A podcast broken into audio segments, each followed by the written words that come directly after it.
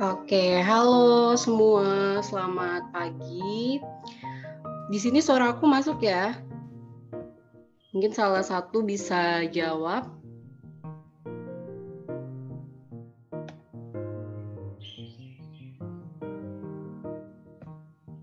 Oke.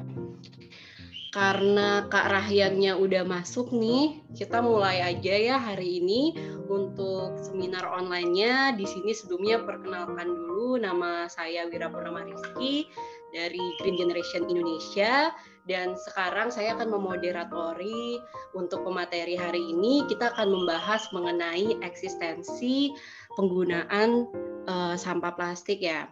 Nah, untuk narasumbernya itu sendiri uh, ada Kak Rahyang Nusantara. Untuk topiknya ini tadi saya salah sebut sedikit ya. Topik kita pada pagi hari ini itu adalah eksistensi mikroplastik di bumi.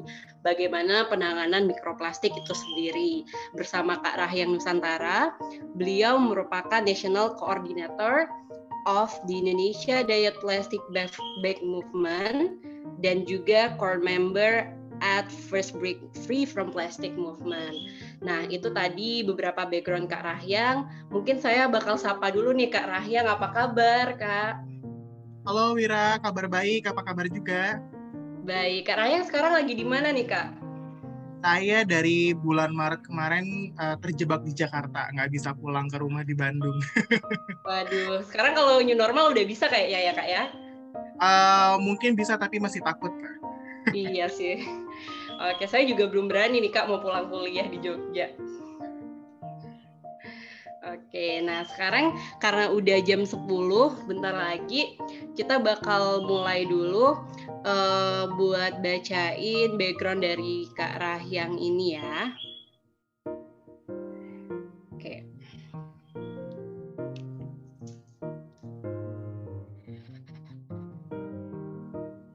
Jadi Kak Rahyang ini memiliki pengalaman kurang lebih 8 tahun dalam kampanye lingkungan. Wow, itu sebuah angka yang sangat ini ya, yang sangat menakjubkan karena 8 tahun itu nggak sebentar untuk bisa konsisten dalam kampanye lingkungannya seperti itu teman-teman. Dan Kak Rahyang ini juga punya background pendidikan untuk sarjananya sendiri itu adalah sarjana pertanian dari Universitas Pajajaran dan juga beliau merupakan magister ilmu komunikasi dari Universitas Paramadina.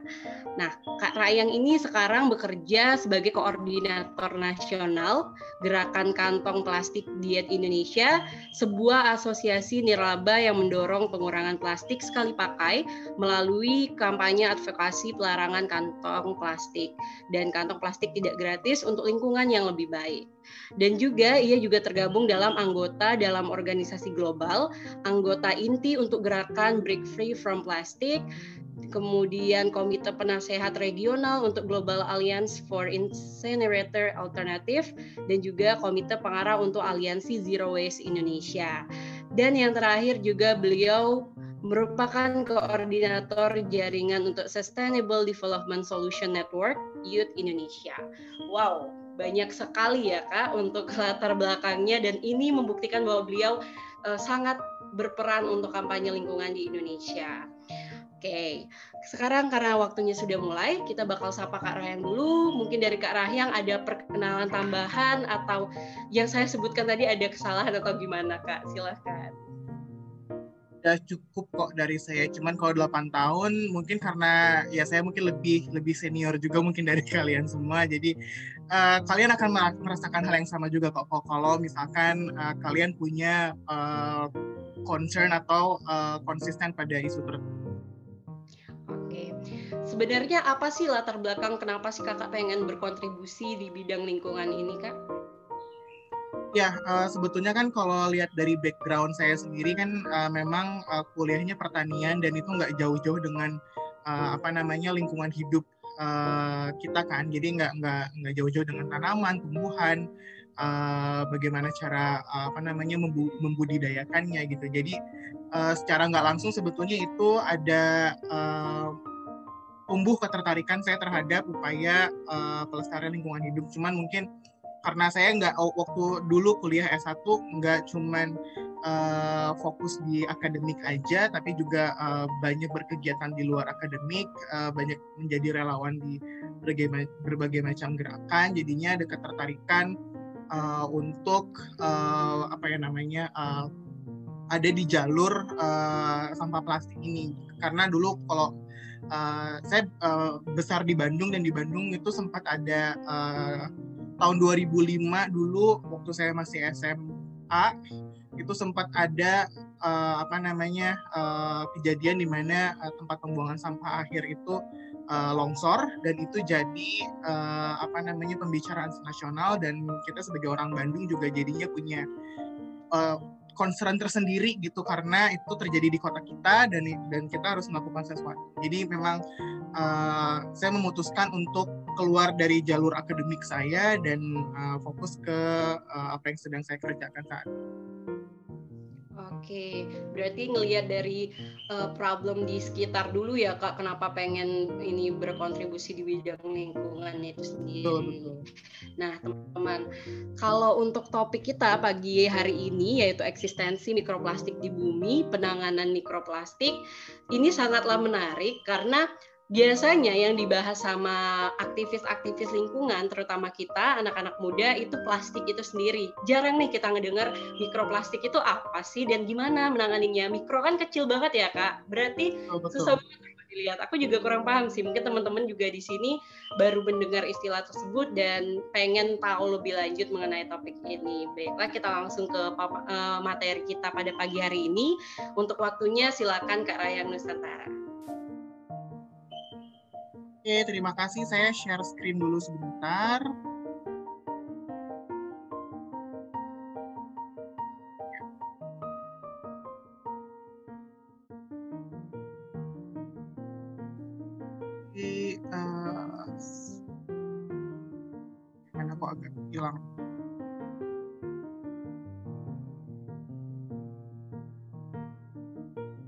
Selamat pagi teman-teman semuanya. Senang sekali uh, bisa uh, bergabung di acara teman-teman. Saya kemarin lihat juga ada beberapa uh, teman saya juga jadi narasumber di acaranya Green Generation. Jadi uh, senang bisa berada di tengah-tengah kalian semua. Jadi uh, pagi ini saya ingin berbagi aja uh, informasi mengenai uh, mikroplastik dan uh, bagaimana uh, upaya pengurangan uh, sampah plastik uh, dari sumber itu adalah hal yang tepat untuk mengurangi uh, mikroplastik yang ada di bumi kita ini.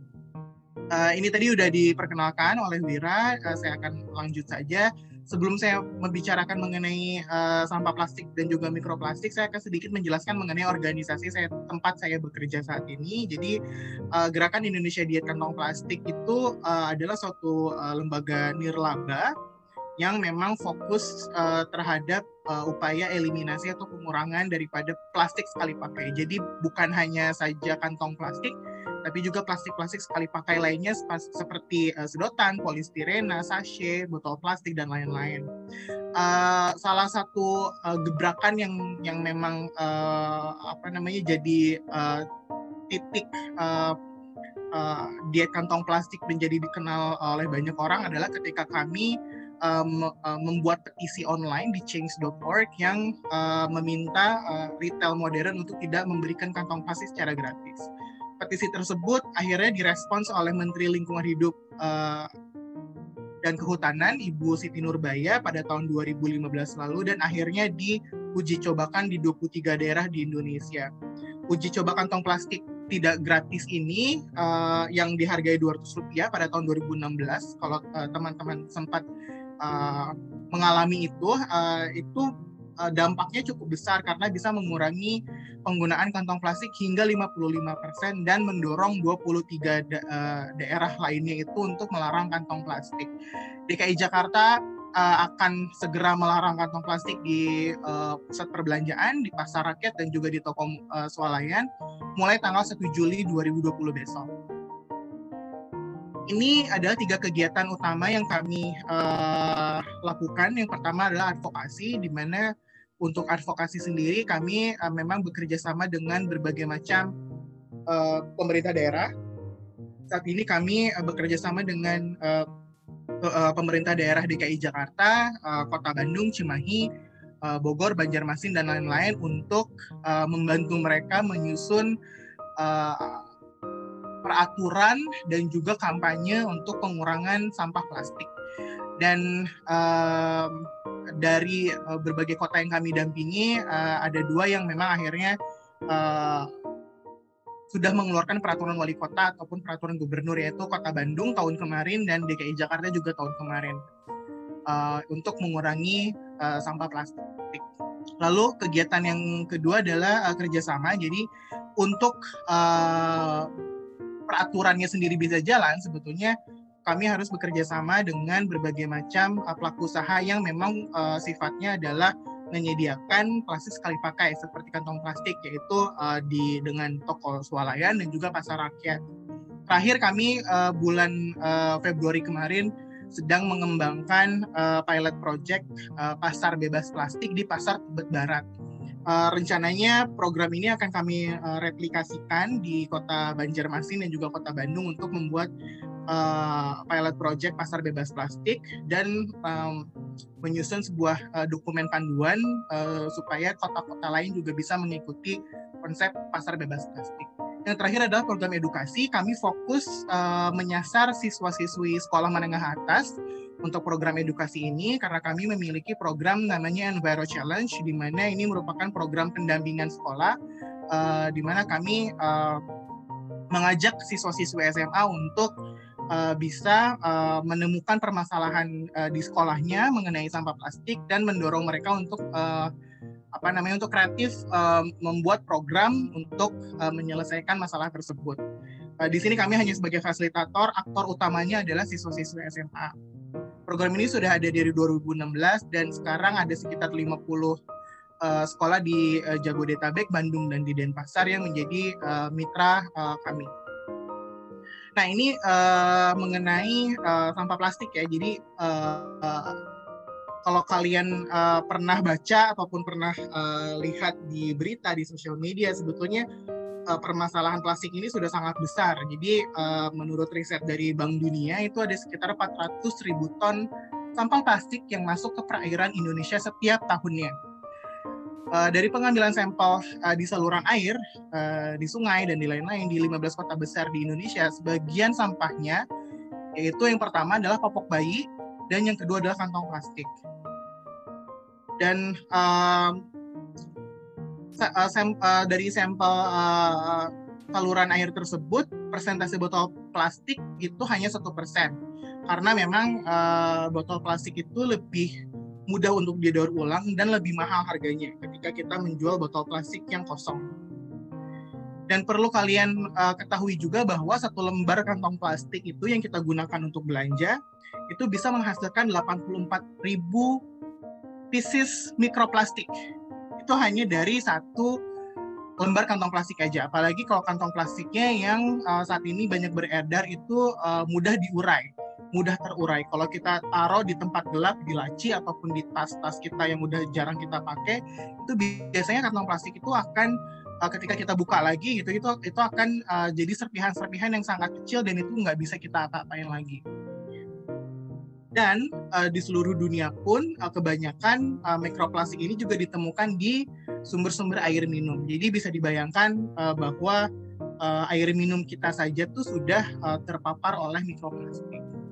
Bahkan nggak cuma di air minum, di ikan juga uh, ditemukan mikroplastik. Kayak di beberapa pasar ikan di Indonesia Timur ada beberapa riset yang menyebutkan bahwa sepertiga ikan yang ditangkap tersebut mengandung mikroplastik. Jadi kita juga eh, selain minum mikroplastik, kita juga makan mikroplastik. Dan di garam di Indonesia juga memiliki kandungan mikroplastik yang tinggi. Bahkan eh, ada beberapa riset independen juga yang menyebutkan bahwa uh, di dalam feses manusia atau kotoran manusia juga sudah ditemukan mikroplastik. Artinya memang kita beneran sudah minum dan makan mikroplastik. Kenapa sih ini bisa terjadi? Memang ke mana perginya sampah plastik? Jadi uh, lagi-lagi dari riset dari World Economic Forum yang menyebutkan bahwa sebetulnya sampah plastik yang benar-benar didaur ulang adalah hanya 2% saja. sisanya bisa didaur ulang tapi jadi kualitas yang lebih jelek lagi lebih banyak lagi yang cuma ditumpuk di TPS ataupun di TPA tempat pembuangan akhir ataupun sementara sisanya lagi hanya ada di lingkungan mengotori uh, dan nggak diapa-apain dan ada juga yang dibakar ada riset baru juga yang menyebutkan kalau kita bakar sampah plastik ternyata ada mikroplastik yang keluar jadi tadi kita udah uh, makan mikroplastik kita udah minum mikroplastik dan kita juga bernafas juga ada mikroplastiknya juga. Jadi sudah ada di mana-mana karena ini tadi uh, keseluruhan sistem ini uh, apa namanya uh, tidak dirancang untuk uh, kesehatan manusia. Nah, uh, sebetulnya mikroplastik ini adalah sesuatu hal yang uh, beradanya di bagian pembuangan sini nih. Kita temukannya hanya ada di sini. Apakah memang di situ sumber masalahnya? Ternyata kita harus lihat lagi uh, dalam uh, perspektif yang lebih luas lagi. Kita harus lihat sebetulnya sebelum dibuang itu uh, plastik-plastik itu tuh diapakan sih. Jadi ini adalah uh, gambaran besar uh, siklus uh, apa namanya ekonomi kita. Jadi sebelum dibuang itu tentunya kan kita konsumsi. Kita uh, pakai itu dapatnya dari mana? Dari jalur distribusi yang bisa kita dapatkan dari warung, bisa kita dapat dari toko modern, kita bisa dapat dari pasar, bisa dapat dari mana-mana.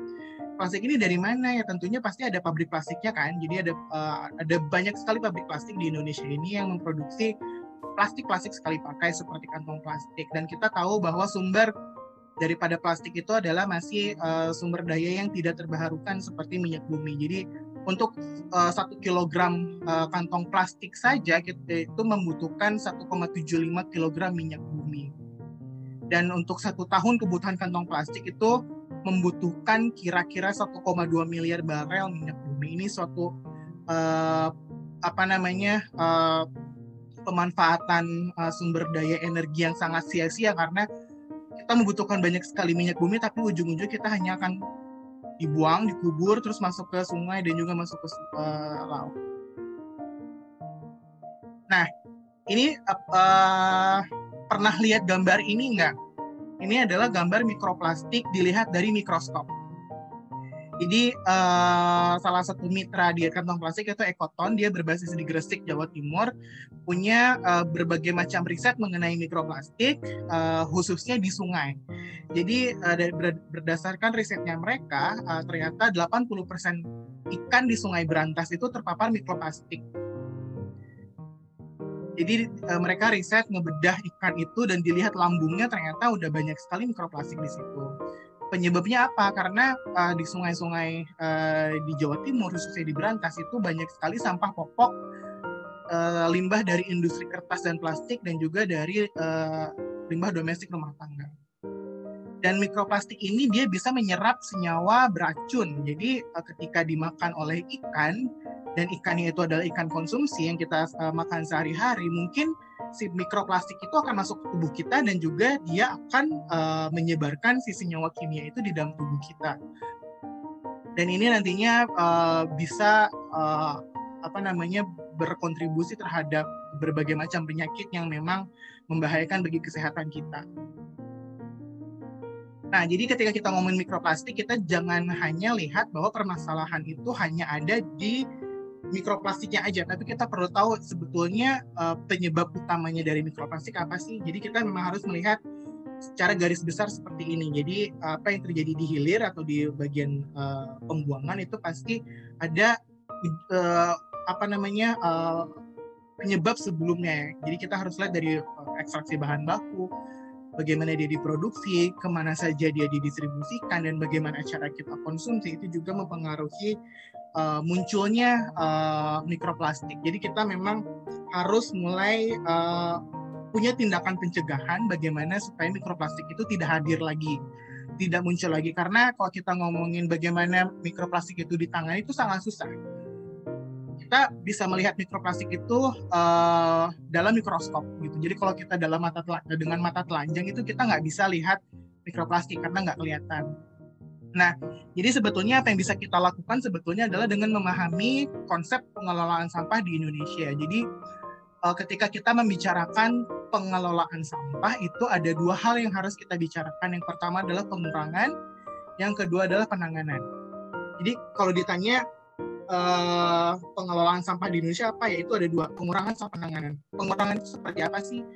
Pencegahan dan pengurangan. Jadi kita bisa uh, mencegah terjadinya mikroplastik dengan kita menggunakan barang-barang yang bisa digunakan berulang kali.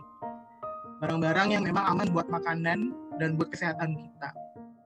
Uh, lalu barang-barang tersebut kita pakai ulang terus-menerus sampai memang uh, harus diperbaiki. Lalu uh, ada bentuk upcycling. Upcycling ini lebih ke memanfaatkan barang-barang yang tadinya tidak berguna menjadi lebih uh, punya uh, nilai guna. Misalkan kayak kain-kain yang sudah tidak uh, terlihat ada nilainya, padahal kita bisa membuat itu sebagai kain perca dan kita bisa uh, berkreasi dengan itu. Misalkan dengan membuat tas belanja dari kain perca. Lalu untuk penanganan bagaimana? Dan uh, penanganan ini lebih ke bagaimana kita uh, menangani sampah setelah dia ada. Jadi uh, kita perlu melakukan pemisahan sejak awal dari rumah kita sesuai dengan jenisnya masing-masing. Ada uh, organik, ada kertas, ada uh, bahan berbahaya dan beracun, ada plastik, logam dan lain-lain. Itu kenapa uh, perlu dipisah karena ketika nanti kita akan uh, daur ulang itu akan lebih mudah lagi bagi uh, industri daur ulang karena sudah terpisah dipisah di rumah juga harus dikumpulkan oleh petugas sampah dengan terpisah juga. Yang terjadi saat ini kan memang ketika kita memisah sampah di rumah oleh petugas uh, sampah itu masih dikumpulin disatuin lagi. Itu jadi masalah karena memang sistem di Indonesia itu masih belum terbangun seperti ini. Uh, ada beberapa daerah yang memang sudah mulai uh, menerapkan uh, proses pengumpulan yang juga terpisah, tapi itu masih sangat sedikit sekali organik itu bisa kita komposkan, kita bisa buat bioenergi menjadi listrik. Untuk yang non organik bisa kita uh, daur ulang. Kalau misalkan ada residu seperti popok bayi, pembalut, tisu dan lain-lain itu uh, mau nggak mau memang harus dibuang ke uh, tempat pembuangan sampah akhir. Dan konsep seperti ini berlaku untuk kawasan komersil, kawasan perumahan, rumah sakit, uh, institusi pendidikan dan lain-lain. Nah, uh, untuk konsep pengurangan sendiri sebetulnya yang terjadi di, di Indonesia adalah uh, baru pengurangan sam, uh, kantong plastik, penggunaan kantong plastik. Jadi ada 23 uh, ada 21 kota dan kabupaten dan dua provinsi yang sudah memiliki peraturan uh, untuk uh, melarang penggunaan kantong plastik. Kalau kita tadi uh, ingat di awal bahwa satu lembar kantong plastik itu ada uh, bisa menghasilkan 84 ribu pieces mikroplastik dengan adanya pelarangan ini bisa dibayangkan saja misalkan kayak di uh, kota Bandung kota kelahiran saya itu uh, satu tahun kira-kira bisa satu juta lebih uh, kantong plastik per tahun. Kalau nggak salah per tahun apa per hari. Jadi bayangan aja dari satu juta itu dikali 84 ribu ada berapa banyak kantong plastik uh, mikroplastik yang akan muncul. Dan kalau kita larang itu akan lebih banyak lagi benefit kepada lingkungan bahwa mikroplastik jadi lebih berkurang gitu sebetulnya. Nah, uh, apa yang bisa kita lakukan lagi secara individu sebetulnya? Jadi uh, ini uh, karena lagi-lagi mikroplastik yang sudah ada di sungai, yang sudah ada di udara yang kita hirup, yang sudah ada di laut itu akan susah sekali untuk kita tangani perlu teknologi yang tinggi dan sampai saat ini masih belum ada yang benar-benar uh, eh, 100% bisa uh, dianggap uh, berhasil untuk menangani uh, mikroplastik yang sudah terlanjur bocor ke lingkungan hidup kita. Jadi yang bisa kita lakukan adalah kita mencegah untuk munculnya mikroplastik yang baru. Jadi kita harus mulai tolak kantong plastik sekali pakai. Kalau kita ke pasar, kita ke warung, kita uh, beli sayur, uh, kita uh, ke supermarket dan lain-lain kita harus bawa tas belanja sendiri yang bisa digunakan berulang kali. Dan uh, lagi masa pandemi COVID-19 ini juga sebetulnya akan lebih aman ketika kita membawa uh, wadah atau kemasan yang bisa digunakan berulang kali karena setelah kita gunakan itu kita bisa cuci. Beda dengan kantong plastik atau plastik sekali pakai lainnya ketika karena virus bisa uh, menempel di permukaan plastik itu uh, bisa sampai tiga hari. Bahkan ada yang menyebutkan bisa sampai lima hari. Dan itu kalau kita kumpulkan terus bayangkan itu adalah sumber virus. Jadi itu uh, sangat berbahaya sekali. Uh, selain kantong plastik juga kita bisa menolak sedotan plastik. Kita bisa uh, membawa uh, wadah minum sendiri. Uh, menolak uh, bawa air minum dalam kemasan plastik, uh, membeli barang secara curah ketimbang di, ketimbang membeli sachet, mulai uh, mencoba untuk memilah sampah di rumah. Sulit di awal memang, tapi kalau kita sudah terbiasa itu akan uh, membantu sekali untuk lingkungan dan juga bisa uh, menyisihkan sampah-sampah uh, yang memang bisa didaur ulang. Sekarang banyak sekali uh, bank sampah yang ada di sekitar kita, kita juga bisa membantu mereka untuk uh, bisnis cycle di bank sampah juga bisa terus berjalan. Nah, uh, ada lagi uh, yang menarik yang yang bisa saya share bahwa untuk memahami uh, plastik seperti yang tadi itu uh, gerakan diet kantong plastik itu membuat uh, app namanya augmented reality untuk bahan edukasi. Jadi teman-teman yang punya uh, yang smartphone-nya Android itu bisa di-download uh, dan nanti saya bisa share ke lewat panitia uh, untuk bisa teman-teman coba. Jadi saya akan akan share uh, markernya yang berbentuk map. Jadi teman-teman nanti bisa uh, apa namanya bisa setelah download aplikasinya di smartphone masing-masing itu nanti bisa dibuka app-nya, terus nanti bisa disorot ke kamera, nanti di bagian sini, di bagian sini itu nanti akan ada sensor-sensor yang menunjukkan informasi mengenai uh, permasalahan plastik dan bagaimana kita juga bisa terlibat untuk menjadi bagian dari solusi. Contohnya seperti ini, seperti ini. Jadi nanti akan ada animasi-animasi uh, sampah dibakar. Terus nanti kita bisa klik juga di sini informasinya. Kenapa sih kalau sampah plastik dibakar itu apa yang akan terjadi? Seperti ini informasinya. Jadi nanti teman-teman bisa uh, menggunakan ini, bisa coba-coba uh, juga kalau memang uh, ini bermanfaat kalian bisa uh, share ke siapa pun. Ini uh, apps-nya, uh, jadi nanti bisa di-download di sampai saat ini masih untuk uh, Android aja. Untuk uh, di uh, Apple uh, gadget itu nanti akan menyusul. Ini sekedar informasi aja.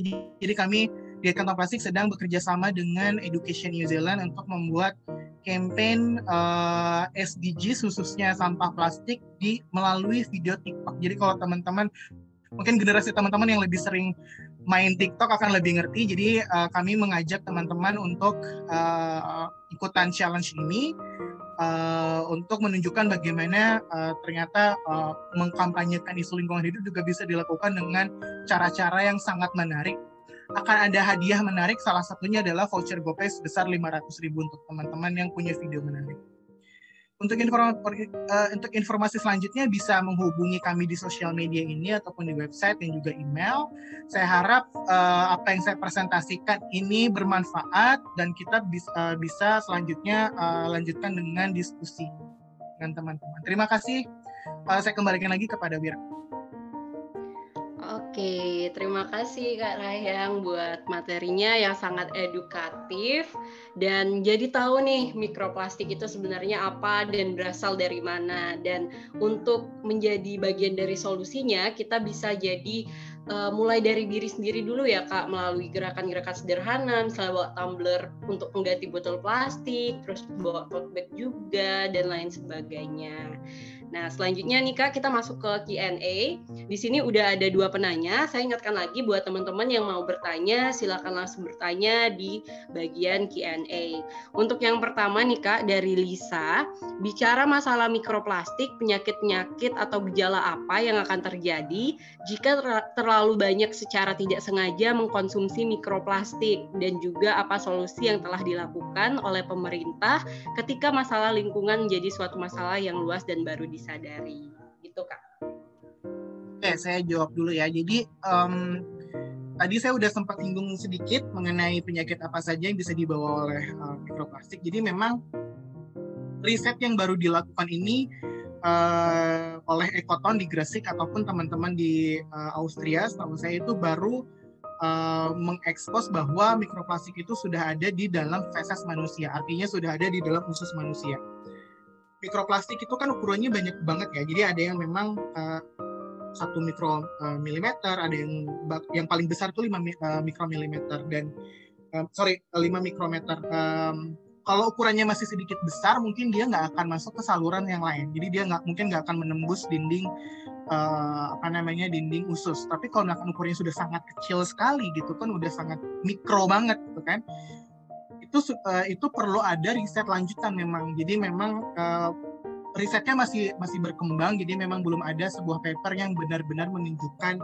apa sih yang yang yang akhirnya benar-benar terjadi ketika mikroplastik masuk ke tubuh kita. Jadi cuman kalau lewat teori seperti tadi yang sudah dibicarakan, ketika mikroplastik itu sifatnya sebagai transporter dan dia bisa eh, menyerap senyawa uh, beracun di lingkungan dan masuk uh, lewat uh, makanan seperti ikan dan masuk ke akhirnya masuk ke tubuh kita berarti ya ada potensi bahwa senyawa kimia yang tadi terserap oleh mikroplastik itu berpindah di dalam tubuh kita. Jadi memang uh, meskipun itu uh, masih secara teoritis tapi karena itu juga informasi menyeramkan jadi sebisa mungkin kita bisa uh, menghindari potensi-potensi uh, daripada uh, mikroplastik masuk ke tubuh kita solusi pemerintah um, salah satunya adalah tadi jadi memang uh, uh, dari 500-an kabupaten kota baru 21 kabupaten kota yang memang sudah mengeluarkan uh, peraturan dalam melarang kantong plastik itu baru uh, start awal ya dan uh, pemerintah juga sebetulnya punya peraturan yang memang mengharuskan produsen produsen air minum dalam kemasan, produsen yang makanan yang dibungkus oleh sachet dan lain-lain itu untuk bertanggung jawab terhadap sampahnya mereka. Peraturannya sendiri baru keluar uh, tahun lalu dan memang kita sebagai masyarakat punya uh, tugas untuk mengingatkan masyarakat, mengingatkan uh, produsen bahwa mereka juga uh, harus comply. Kita kan konsumennya mereka, jadi memang pasti mereka akan mendengarkan konsumen dan kalau konsumennya sudah sadar dan konsumennya juga punya demand terhadap uh, bagaimana si perusahaannya juga lebih baik lagi, pasti mereka akan mendengar sebetulnya. Hanya saja memang upaya ini harus kolektif, jadi memang harus uh, terdengar uh, banyak sekali konsumen yang memang membicarakan ini. Jadi memang permasalahan uh, di kita adalah memang uh, pemerintah uh, punya PR besar PR besar dalam penegakan peraturan dan itu juga bukan uh, apa namanya uh, saya juga dan organisasi saya juga belum bisa intervensi sejauh itu tapi memang kita bisa menggunakan suara kita melalui uh, media sosial kita uh, kita bisa mention pemerintah di situ kita bisa ungkap bahwa apa yang terjadi di masyarakat uh, itu ada uh, pelanggaran dan lain-lain. Salah satu contohnya adalah ketika di dekat kosan saya di Jakarta ini ada yang bakar sampah. Di pemerintah DKI Jakarta uh, ternyata sudah punya saluran untuk bagaimana kita bisa melapor sebetulnya. Dan uh, saya waktu itu lapor lewat Twitter, lewat Twitter at DKI Jakarta dan langsung ditindak oleh pemerintah saat itu juga. Jadi itu salah satu peran yang bisa kita lakukan untuk membantu pemerintah uh, untuk uh, tetap menegakkan peraturan. Kira-kira itu uh, jawaban dari saya.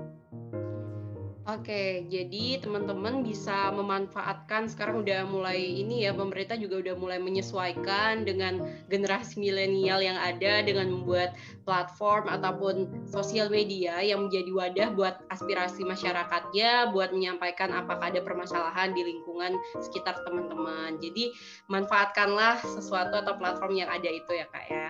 Betul betul. Nah, untuk selanjutnya itu datang dari Lisa juga. Gimana sih cara menanggulangi sampah di sampah diapers atau popok bayi itu gimana ya kak? Ya, uh, popok bayi itu dianggap uh, sebagai sampah berbahaya karena ya kita tahu sendiri itu kan kotoran manusia ya dan uh, kalau sudah jadi kotoran manusia itu kita nggak bisa diapa-apain lagi sebetulnya. Jadi memang uh, tindakan yang paling tepat adalah membuang dia di tempat pembuangan sampah akhir yang harusnya itu jauh dari uh, pemukiman uh, manusia, pemukiman warga juga. Dan um, tapi ada cara yang bisa kita lakukan yaitu sekarang uh, udah banyak uh, produsen yang uh, membuat uh, popok uh, pakai ulang dari kain yang yang bisa digunakan berulang kali-kali, berulang kali dan juga bisa dicuci. Cuman memang di awal kita harus invest cukup mahal tapi itu uh, beberapa teman saya yang sudah punya anak itu uh, mereka biasanya invest lebih dari 10 popok bayi uh, yang bisa digunakan ulang. Karena kan sehari kan bayi mungkin bisa bisa sampai 10 uh, pampers dan lain jadi memang harus uh, kita invest banyak tapi sebetulnya kalau kita hitung uh, secara uh, apa namanya uh, durasi penggunaan si uh, uh, popok uh, berulang kali pakai itu sebetulnya kita sangat hemat banyak sekali ketimbang kita beli yang sekali pakai terus buang. Meskipun seakan-akan pada saat kita beli itu murah tapi kan kita akan beli itu terus menerus bisa belinya mingguan atau misalkan bulanan. Pada kalau untuk uh, popok bayi yang bisa digunakan berulang kali kita hanya beli di awal aja. Cukup banyak tapi kita tapi itu akan awet bertahun-tahun sebetulnya. Jadi kita sebetulnya secara ekonomi akan lebih awet. Cuman memang uh, nggak semua orang bisa uh, apa namanya uh, nggak semua orang mampu membeli itu tapi bisa dicoba uh, dengan satu atau dua karena kan mungkin perlu dicek juga apakah uh, si bayinya juga cocok dengan itu apa enggak. Cuman untuk sampah diapers uh, paling aman memang dibuang ke TPA sekarang banyak yang bilang bahwa sampah diapers bisa didaur ulang jadi pot bunga, bisa jadi apa, batako dan lain-lain itu sebetulnya perlu kita cek proses mereka membersihkan kotorannya itu seperti apa gitu. Apakah uh, petugas yang membersihkan kotoran itu juga dibekali uh, safety uh, hazmat atau apa gitu kan. Terus di kotorannya sendiri dibuangnya ke mana gitu kan. Karena ada beberapa informasi yang saya dapatkan juga sebetulnya petugasnya juga nggak diberikan uh, alat pelindung. Terus kotorannya dibuang ke selokan biasa. Jadi itu sebetulnya selain uh, apa namanya membahayakan kesehatan si petugasnya juga itu membahayakan kesehatan warga sekitar. Karena kotorannya dibuang sembarangan di solokan gitu. Jadi jangan per, uh, langsung percaya bahwa apa, apa yang bisa didaur ulang itu itu adalah aman. Mungkin aman untuk si sampah plastiknya karena tidak mencemari, tapi biasanya itu isu kesehatan yang selalu dikorbankan. Jadi uh, kita harus selalu sering mengedukasi diri, baca banyak artikel, banyak jurnal, bertanya ke siapa pun itu supaya kita juga akhirnya bisa memahami mengenai permasalahannya. Kira-kira itu jawabannya. Baik. Berarti sekarang udah ada popok bayi yang ramah lingkungan ya bisa dibilang Kak? Sudah banyak bisa dibeli iya. di online juga banyak di beberapa toko yang menjual produk bayi juga biasanya sudah mulai banyak. Oke, kita lanjut ke pertanyaan selanjutnya. Ini ada dari Dewi Retosari Topal, apa yang bisa dilakukan untuk mengurangi dampak mikroplastik yang telah terlepas di alam, terutama di aliran sungai dan laut? Silakan. Ya, seperti seperti tadi yang sudah saya sampaikan sebelumnya, yang bisa kita lakukan sebetulnya adalah menghindari semua produk yang sekali pakai, produk dan kemasan yang sekali pakai. Bawa tas belanja sendiri, hindari sedotan. Kalau eh, nggak suka pakai sedotan kan bisa langsung diminum. Kalau misalkan masih suka pakai sedotan bisa pakai yang dari bambu ataupun dari besi. Eh, kita kalau beli makanan yang basah misalkan atau beli daging-daging mentah bawa wadah sendiri juga gitu kan kotak-kotak yang bisa digunakan berulang kali pokoknya um, sebisa mungkin kita uh, hindari uh, semaksimal mungkin produk-produk yang sekali pakai. Kalaupun memang kita masih menggunakan uh, produk atau kemasan plastik, pastikan itu terpilah dan kita juga bisa memastikan bahwa setelah kita pilah itu kita bisa kirim ke bank sampah atau kita bisa kirim ke uh, titik pengumpulan lainnya memang uh, berfungsi untuk uh, disalurkan lagi ke proses daur ulang. Kalau mikroplastik yang sudah ada di sungai dan di laut itu sayangnya memang tidak bisa kita apa-apakan. Yang bisa kita lakukan adalah mengurangi supaya tidak lagi ada yang bocor ke sungai dan di laut. Sekian jawabannya. Oke. Nah, selanjutnya ini ada yang menarik nih Kak ada dari Florencia L, mungkin dia dari Indonesia bagian timur ya, ingin bertanya seperti ini. Kak izin bertanya, kenapa solusi penanggulangan sampah tadi yang saya lihat di slide PPT kakak mengenai pulau-pulau atau daerah yang baru diberlakukan atau akan dilakukan nanti hanya di wilayah Indonesia bagian barat. Kenapa tidak sekaligus di Indonesia timur juga kak? Apa karena di timur kasus bahaya sampah masih kurang atau karena apa kak? Oke, ya ini sebetulnya uh, saya juga eh, nggak uh, punya kapasitas karena kalau misalkan ngomongin peraturan kan memang itu ada di pemerintah dan di Indonesia kan karena konsepnya adalah otonomi daerah, peraturan itu ada di uh, kewenangan kepala daerah, bergantung dari kepala daerahnya masing-masing. Sebetulnya kalau kita lihat dari permasalahannya, tadi kan kita cukup banyak mendapatkan informasi bahwa justru di Indonesia bagian timur uh, banyak ikan-ikan yang uh, terpapar oleh mikroplastik. Seharusnya sebetulnya mungkin uh, pemerintah daerah di sana sudah harus mulai concern terhadap itu. Saya pernah mengunjungi uh, teman saya di uh, di kawasan Flores dan uh, sebetulnya mereka sedang melakukan uh, banyak hal karena di sana kan pasar ikan sangat besar sekali dan mereka membutuhkan es batu untuk mengawetkan si ikan supaya ikannya tetap segar dan es batu es batu itu sebetulnya dibungkus oleh plastik sekali pakai. Jadi yang sedang mereka lakukan uh, dan juga didukung oleh pemerintah daerah sana adalah mereka membuat uh, mesin es batu supaya orang-orang nggak nggak pindah pulau karena mereka kebanyakan dari pulau pulau-pulau kecil sekitar untuk beli es batu dan dibawa ke pulaunya. Jadi mereka sedang mengembangkan sebuah teknologi di mana uh, mereka bisa membuat es batu sendiri dan diwadahi oleh uh, kemasan yang bisa digunakan ulang. Jadi mereka nggak perlu lagi uh, plastik sekali pakai karena waktu saya sana itu di di pasar ikan tuh banyak banget uh, sampah plastik yang transparan itu untuk ngebungkusin es batu itu berserakan di mana-mana. Jadi sebetulnya memang uh, solusi yang ditawarkan atau yang dipromosikan oleh pemerintah sebetulnya harus kontekstual dengan di daerah sana. Sebetulnya uh, saya yakin sebetulnya udah banyak inisiatif. Teman saya juga di Papua sebetulnya sudah banyak yang uh, melakukan ini.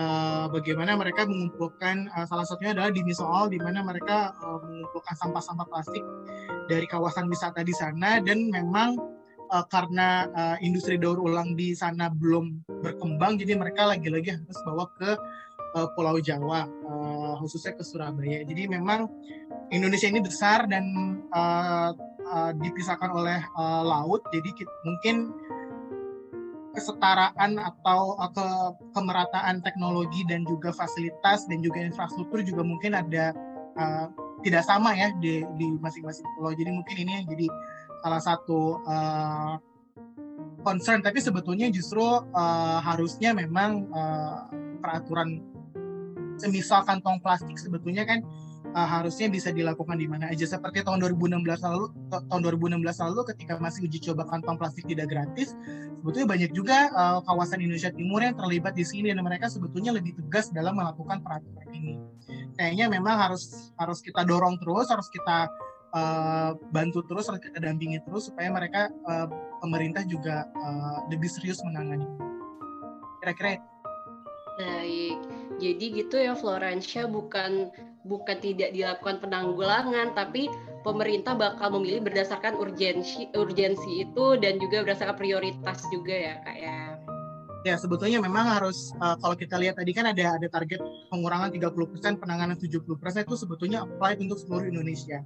Jadi memang uh, tugas pemerintah pusat, salah satu Kementerian Lingkungan Hidup dan uh, Kehutanan untuk memastikan semuanya itu berjalan. Dan kita juga sebagai masyarakat juga harus ikut terlibat juga dengan minimal tadi uh, mengubah gaya hidup kita untuk lebih banyak menggunakan uh, barang dan kemasan yang bisa digunakan berulang. Baik, itu ya teman-teman. Jadi selanjutnya ini ada dari Mami Lidawati Limbong. Terima kasih Kak atas materinya yang sangat eduka edukasi dengan Mami Jakarta Barat Kak. Uh, Kak saya pernah tuh Kak dengar dengan adanya plastik yang sudah dapat dikonsumsi oleh hewan. Kalau nggak salah di Jepang Kak karena plastik tersebut dibuat dengan mengandung protein. Jadi nggak berbahaya bagi hewan jika dimakan gitu. Jadi di Indonesia, di Indonesia ini Kak apakah sudah pernah mencoba menerapkan hal seperti ini karena menurut saya cara itu cukup baik gitu kan.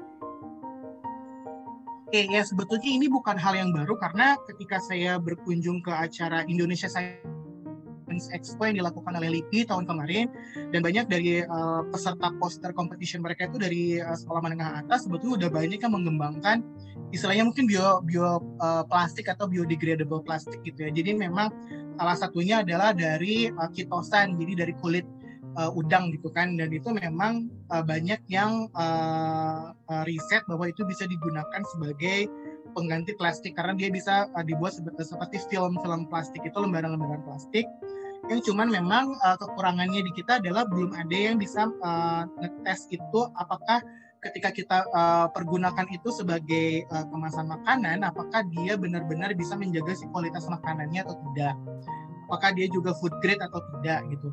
Uh, yang baru ter uh, apa namanya ter uh, berkembang cukup pesat adalah memang yang bahannya dari singkong dan itu baru digunakan untuk uh, kantong belanja, uh, tempat sampah, uh, dan juga uh, biasanya buat uh, uh, kalau kalau kita punya uh, hewan peliharaan itu biasanya untuk buang si kotorannya sendiri. Jadi memang uh, ini juga lagi-lagi uh, tergantung uh, sejauh mana penelitian itu uh, didukung oleh pihak-pihak uh, yang memang berkepentingan. Cuman memang uh, ada uh, sudah ada ke arah sana. Sebetulnya di Indonesia juga sudah uh, sudah cukup banyak bahkan uh, siswa SMA juga udah banyak yang meneliti, yang, yang meneliti itu didampingi oleh gurunya dan juga LIPI juga terlibat di situ. Jadi uh, tinggal memang uh, pola bisnis di kita itu kan masih masih uh, apa namanya uh, bergantung pada uh, fossil fuel base ya. Jadi masih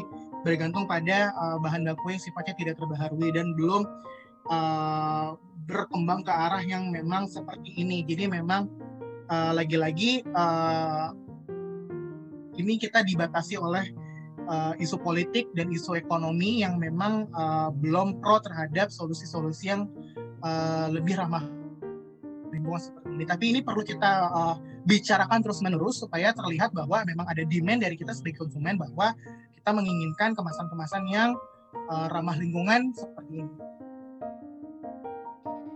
Baik. Nah, gitu ya. Jadi uh, sebenarnya kalau ngomongin lingkungan ini juga sangat berkaitan sama isu ekonomi, isu politik ya kak. Jadi emang berkepanjangan oh, juga oh. kalau dibahas lebih kom kompleks lagi kayak gitu. Oke itu tadi jawabannya. Untuk pertanyaan selanjutnya itu ada dari uh, dari anonimus nih. Agak ini ya kak ya uh, terus ini ada pertanyaannya kak kalau daur ulang sampah kabel-kabel itu kan ada yang plastik daur ulangnya kayak mana kak kalau dibakar kan nggak baik ya kalau kabel itu mungkin sebetulnya uh, dianggapnya adalah sampah elektronik ya sampah uh, berbahaya dan beracun. Jadi memang harus di uh, tidak dicampurkan dengan plastik sebetulnya. Jadi memang harus dikategorikan bersama dengan sampah elektronik lainnya bersama dengan baterai baterai uh, gadget bekas dan lain-lain. Dan memang uh, ada uh, beberapa perusahaan di Indonesia mungkin hanya satu atau dikit banget. Jadi setelah itu dikumpulin memang mereka akan uh, apa ya kayak dipretelin satu-satu. Jadi nggak semuanya itu bisa didaur ulang. Jadi hanya mereka hanya ngambil bahan uh, apa bagian-bagian yang memang bisa didaur ulang dan sisanya itu memang dibuang. Sayangnya memang di kita itu masih uh, uh, TPS atau TPA-nya itu masih nyampur. Uh, jadi kalau misalkan di Jakarta kita pergi ke Bantar Gebang ya itu pasti akan dibuangin ke Bantar Gebang semua. Dan idealnya sih kalau misalkan emang uh, proses penanganan sampah ini sudah terbangun baik sebetulnya sampah-sampah berbahaya ini tuh harusnya punya TPA tersendiri karena ini uh, ada uh, kaitannya dengan kesehatan masyarakat juga. Kira-kira itu jawabannya. Oke. Okay. Kita langsung lanjut ke pertanyaan selanjutnya aja nih Kak dari Pamelia Nuryatman. Sebenarnya efektif nggak sih Kak kalau saya masih menerima kantong plastik dan pembelian barang di toko namun kantong plastik tersebut digunakan lagi sama ibu saya untuk jualan ikan. Ibu saya juga promosi sama pelanggannya kalau plastiknya jangan dibuang namun bisa dikumpulkan nanti bisa barter antara kantong plastik dengan ikan yang dijual oleh ibu saya. Nah, kalau saya sendiri mau sih Kak ya barter dengan ibunya. ya ini menarik sekali sebetulnya kalau jadi sebetulnya kan konsep uh, kita kan jangan sampai uh, apa yang kita punya itu hanya sekali pakai dan langsung dibuang. Kalau memang kondisinya seperti ini sebetulnya itu itu bagus juga. Jadi ketika kita memang misalkan tidak sengaja atau uh, masih uh, menggunakan kantong plastik misalkan dari minimarket kalau memang ternyata itu bisa digunakan terus menerus itu masih lebih baik sebetulnya jadi uh, karena kita akhirnya uh, apa namanya mencegah dia uh, terbuang di uh, lingkungan dan akhirnya menjadi mikroplastik. Gitu. Jadi sebetulnya kalau memang konsep ini bisa terus dilakukan dengan tidak terputus, tapi perlu juga ada edukasi kalau misalkan bawa wadah sendiri itu lebih bagus gitu kan. Jadinya uh, ya upaya-upaya seperti ini juga tetap kita anggap bahwa ini uh, upaya untuk menyelamatkan uh, lingkungan hidup kita dari sampah plastik. Cuman perlu di uh, uh, perhatikan juga kalau misalkan plastiknya itu plastik yang dianggap bisa cepat terurai kayak di minimarket sebetulnya dia nggak akan bisa seawet itu sih. Jadi memang perlu dicari uh, kantong plastik yang memang cukup awet agak tebal dan dia juga bisa digunakannya cukup lama. Baik, ini untuk pertanyaan selanjutnya dari Saidatul Janah tadi juga berkaitan ke pertanyaan yang sebelumnya masalah kabel juga nih kak kak mau nanya nih kayak mana cara daur ulang kabel-kabel kan banyak kabel bungkusnya dari plastik kak kan kalau dibakar mungkin lebih bahaya ya Kak, mohon sarannya. Ya, uh, mungkin maksudnya plastik pembungkusnya itu ya kalau kita beli itu kan untuk uh, kemasannya itu. Um, kemasan yang plastik transparan itu sebetulnya uh, ada beberapa bank sampah ataupun uh, pemulung yang masih mau nerima karena dia masih ada nilainya untuk bisa didaur ulang. Tapi memang harus dalam kondisi cukup bagus. Jadi ketika kita buka si kemasan itu kalau bisa digunting rapi, jangan dipaksa dibuka gitu gitu kan. Jadi karena itu kan udah langsung dijelek. Jadi uh, kalau memang masih uh, punya itu dan mungkin sering beli kabel, kalau bisa ya diguntingnya agak cukup rapi, dikumpulkan Eh, kita bisa tanya pemulung atau tukang sampah yang lewat kita apakah ini bisa nerima nggak kalau kayak gini akan didaur ulang apa enggak gitu kan. Karena biasanya kalau misalkan mereka ngumpulin itu kan dan mereka jual juga itu bagus juga buat pemasukan mereka kan sebetulnya. Atau bisa kita juga kalau misalkan tahu di dekat rumah kita ada bank sampah atau misalkan di uh, kawasan dekat rumah kita ada bank sampah bisa ditanya juga mereka menerima ini atau karena biasanya sebagian masih menerima plastik-plastik yang bening asalkan masih bersih berhubung waktunya sebentar lagi mau habis, mungkin ini pertanyaan terakhir ya kak ya dari Ufa Munfarijah. Kak izin bertanya bagaimana cara kita mengingatkan tentang bahayanya sampah plastik ke keluarga kita sendiri. Mungkin aku mau nambahin nih kak, mungkin ke temen juga nih karena kan temen itu biasa kalau kita sedikit menggurui dibilang sok tahu atau segala macam. itu gimana ya kak ya? Ya, kalau dari pengalaman saya sih yang paling efektif adalah kita memberikan contoh dan juga kita langsung ajak. Jadi jangan di uh, kasih teori, jangan dikasih bahan-bahan yang bikin mereka pusing, tapi kita langsung kasih contoh. Jadi misalkan kayak uh, kalau lagi saya lagi di rumah dan kita lagi belanja di luar, langsung uh, dari, uh, sebelum kita pergi langsung ingetin kita harus bawa beberapa jenis tas belanja supaya kita nggak pakai kantong plastik. Jadi dan itu biasanya kalau makan udah dikasih, biasanya aku yang langsung uh, nyodorin tas belanja. Jadi itu langsung dikasih contoh gitu. Jadi sama ke teman juga seperti itu. Jadi memang kita lebih banyak memberikan contoh supaya mereka bisa melihat apa yang kita lakukan itu juga eh, nggak cuma kita ngomongin kampanye aja, tapi juga kita sendiri juga memang melakukan itu. Jadi lebih banyak memberikan contoh ketimbang menggurui. Kira-kira itu. Karena waktunya masih ada sekitar 10 menit lagi, mungkin dari Kak Rahyang ada yang mau disampaikan atau pesan nih buat teman-teman sebagai calon aktivis-aktivis lingkungan seperti Kak Rahyang.